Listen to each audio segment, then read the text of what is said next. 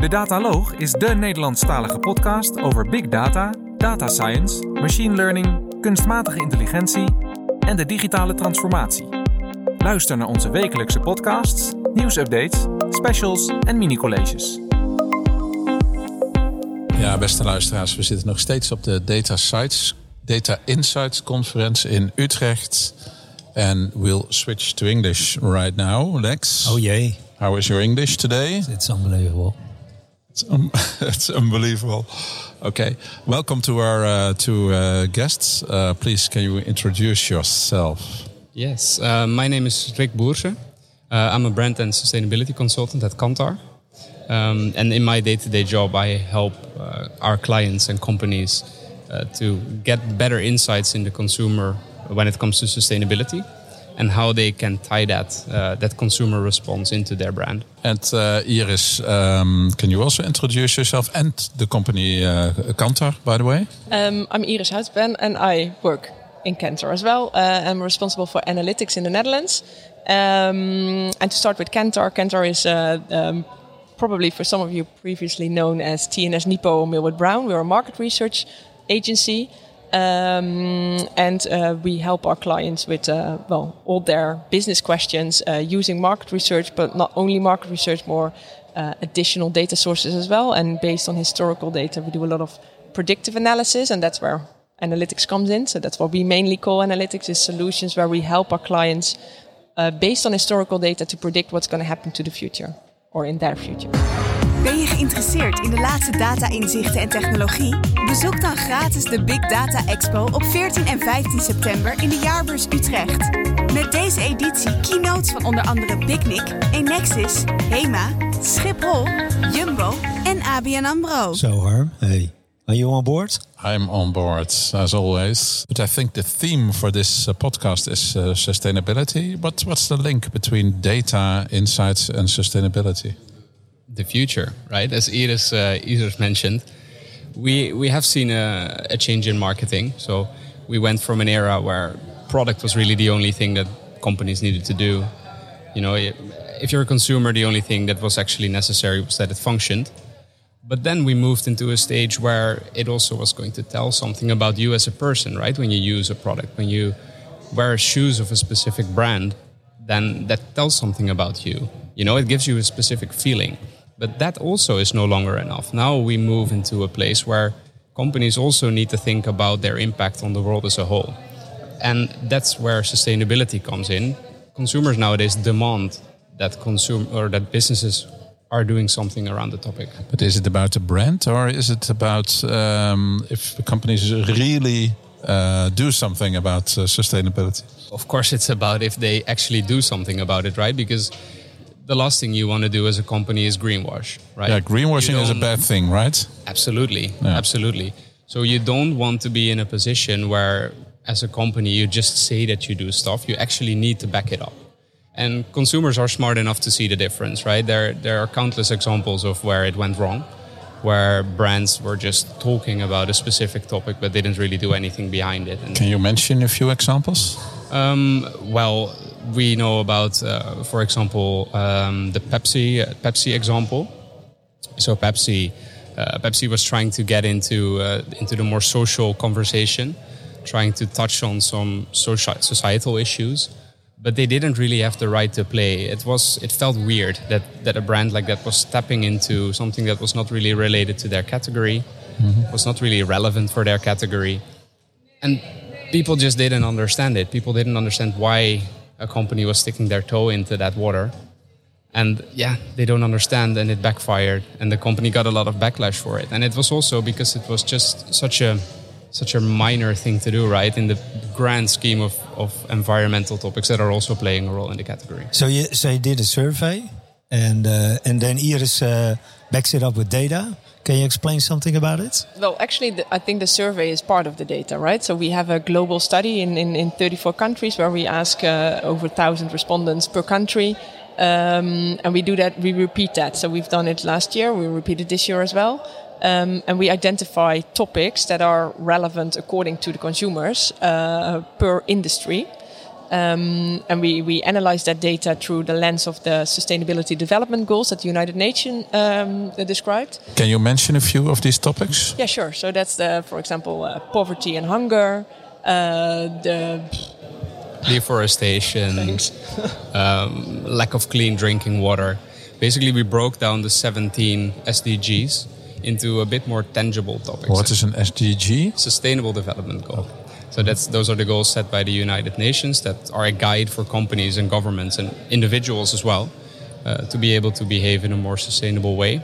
And what we did in our research is basically ask consumers which one they think uh, of those are the most important, and it gives us quite a good picture of differences between countries, differences between people of certain ages, and which are the most important ones here in the Netherlands, for instance? Well, we know that deforestation is very high on the list. People, uh, people are quite worried about that, but also uh, microplastics polluting, polluting our oceans, for example. If you walk on the beach and and you look down, you will you will see countless of small plastic fibers. Yeah, yeah. People are really worried about uh, about those kind of things. So you collect these data, and then and then what's the next step? Yeah, so maybe to add to it, so we uh, have partly the consumer data that we collect through the surveys, um, and what we also do is we look at search data. So how are people searching online in in, in different uh, browsers. Uh, and we have access to five years of historical data uh, that's, that's stored in the Google search engines, which in the Netherlands is about 98, 99% of all the searches online are stored through the Google engine.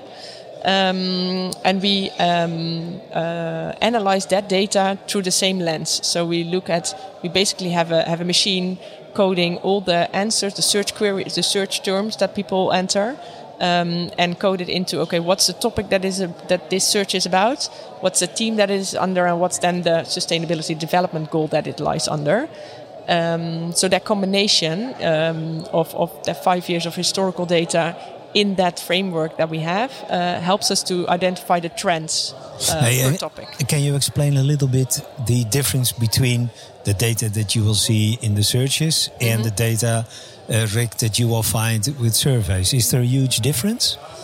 Um, in terms of insights, it's not a difference. It's more of a, uh, uh, this is the current view of the consumer, and this is how they've been behaving online. Uh, so it's more of an addition, I would say.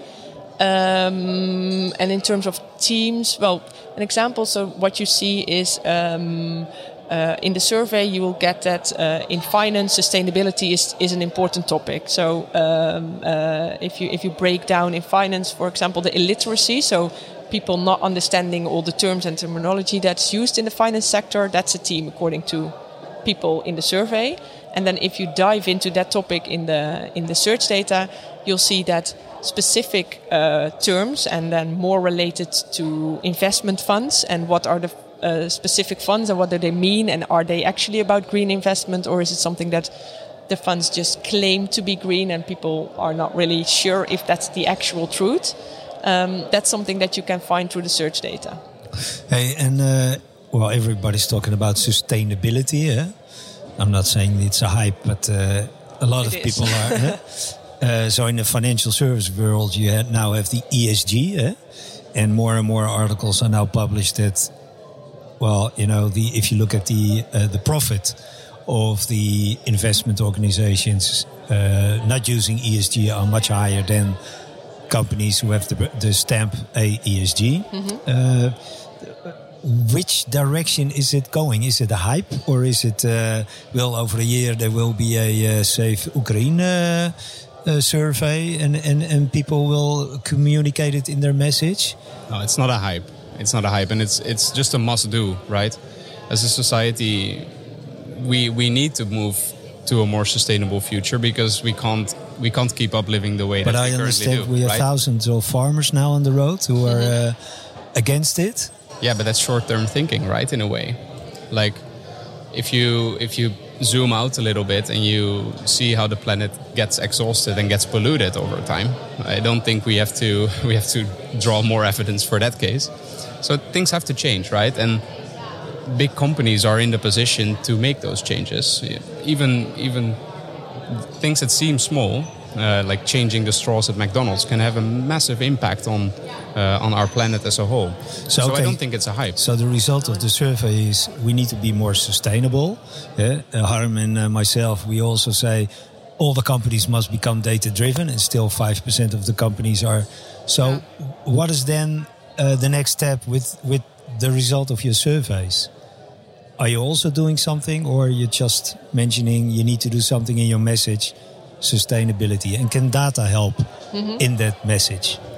I think the data can uh, help, uh, and, and we can help based on the search data as well as on the survey data uh, to help companies decide on how they can play a role in this topic. Because it's, as Rick said, it's it's it's something that all companies uh, agree uh, that it's something they need to do something with. But the question is, what should they do, and what where is their sort of right to play? Does it make sense as a as a financial company to say, okay, we're gonna uh, prevent uh, hunger in the world, or does it make sense to say, okay, our role to play here is to educate people on finance? That's also sustainability. So, yeah. What is the business model of Kantar? You you sell the research data, right? Mm, no, the business model is that we help clients with their business questions. So companies come to us uh, with a specific question. Uh, and that question can be uh, what should we do in terms of sustainability? What makes sense in consumers' minds? What's our right to play? Okay, so that could be, um, let's say, um, a company like Heineken, for instance. Yes. So Heineken could come to us saying, okay, we want to know what our right to play is in the terms of sustainability. What should we do, and what is the messaging we should have that uh, consumers will believe with us? Or they could have a question saying, okay, uh, we have a, we've developed a commercial uh, about sustainability. This is the claim we want to make. What do you think? Is it something we could do? It, it yeah, we can answer and, and, broad type of questions. Okay, and is for a company like Heineken, is your scope uh, the Netherlands, Europe, the world? Uh, the universe. I would like to say the universe, but currently it's still the world. Maybe when Elon Musk goes to to the moon, we'll we'll broaden it. But no, currently we're uh, we're looking into global. Uh, um, but we also have a lot of clients that we uh, uh, help on the local level as well. So it can be both. Hey, and can one of you elaborate a little bit on the technology stack that you are using? Um, yes, I'm thinking of the the audience of this podcast and what might be relevant for them because a lot of the tooling we use is actually uh, Kantar developed. Um, but apart from that, of course, we do a lot of uh, analysis in SPSS. Uh, we use R, we use Python, we use Power BI as dashboarding tool mainly. Um, and for the collecting the search data, we um, have an uh, because of the relationship we have with Google, is that we have a, a direct API into their search engine. Um, and then we analyze it uh, in our own developed tool again. Okay, so this is a perfect place to work for a, a data scientist, for instance. Definitely. Actually, we have a vacancy, so if there's people interested. oh, and can they send you an email or a yes. WhatsApp or? Uh... I guess email is better. But, okay. uh, can you explain a little bit the organization in the data science? Um, yeah, we have. Well, we have um, uh, a brand. Uh, uh, we have a domain structured organization. So, um, as I explained, we have uh, uh, client questions that we answer, and those client questions can be in different on different domains. So, it can be answered. Uh, it can be a question about a brand-related topic. It can be a question on innovation. It can be a question on customer experience uh, uh, on media, so what's the effectiveness of media, or on on the, the quality of creative. That's sort of the domain structure how we're organized, and then we uh, in each domain we help our clients using quantitative surveys and qualitative surveys and analytics, where analytics is sort of a it's a matrix, I would say. So it's a it's a, um, a, a horizontal line across all the domains, um, and in analytics, it's uh, helping uh, clients using those survey data as well as other type of data sources, um, and then uh, building predictive models based on historical data. Hey, Rick, your background is not in data. Not really, no. Okay, no, then I have an interesting question for the two of you. Yeah. Because there is always a sort of tension between the business and the nerds. How are you dealing with that aspect? We are all nerds at Kantar, I think. no, no, like my background is not really in the in the very quantitative data type of work, but in, in all the work that I do, I use data. It's the consultancy that we give at Kantar is never based on, on real gut feeling. We always have to back it up by data. So also in my day-to-day job, it's it's all about the data, and I I can't advise clients without it. So, for example, if we if we are talking about this, the study and what's the business model behind it, it is actually a tool. It's a tool for us to answer, uh, help answering the business questions of clients, and the data is actually quite fundamental to that. So, But, but can you explain a little bit how you explain your use case to nerdy Iris? I wouldn't call myself a nerd. we called you nerdy uh, Iris. I called all of us nerdy. but how is it? How is it working out, out between the two of you? Well, I guess that the, um, as Rick said, in, in general, we're all nerds in the sense of that that within Kantar, most people are researchers, um, and I think as a researcher, you analyze data. And the only difference between what we call analytics or what, what we call other teams is uh, the um, using historical data and build predictive models versus uh, using historical data and answering a current actual question. Sort of a, that's I think the only difference, if I'm honest. Okay, but the message for the listeners of our podcast is a company of nerds is looking for nerds with um, skills in SPSS, R, Python, etc. Yeah, and I th- and and maybe maybe to expand it even like if you are uh, uh, interested in research and if you like to dive into a diverse set of topics and help a very diverse set of clients with their questions uh, using data, then you should want to work at a market research company. Hey, thanks very much for this interview. You're and welcome. uh, all the best. Thank you. Thank you. Bye bye. Bedankt voor het luisteren naar deze uitzending van de Dataloog. Vond je onze podcast leuk, goed, interessant of wellicht te veel ene en nullen? Laat een review achter of geef thumbs up. Heb je vragen of opmerkingen? Kijk dan ook eens op www.dedataloog.nl. Hier staan ook de show notes van alle uitzendingen. Je vindt onze nieuwe uitzendingen wekelijks op iTunes, Stitcher, Spotify en alle andere bekende podcastplatforms. Alles wat wij maken doen we onder Creative Commons. Je mag alles hergebruiken voor niet-commerciële doeleinden, zolang je ons als bron maar noemt. Volg ons op Twitter op @dedataloog. Graag tot de volgende keer.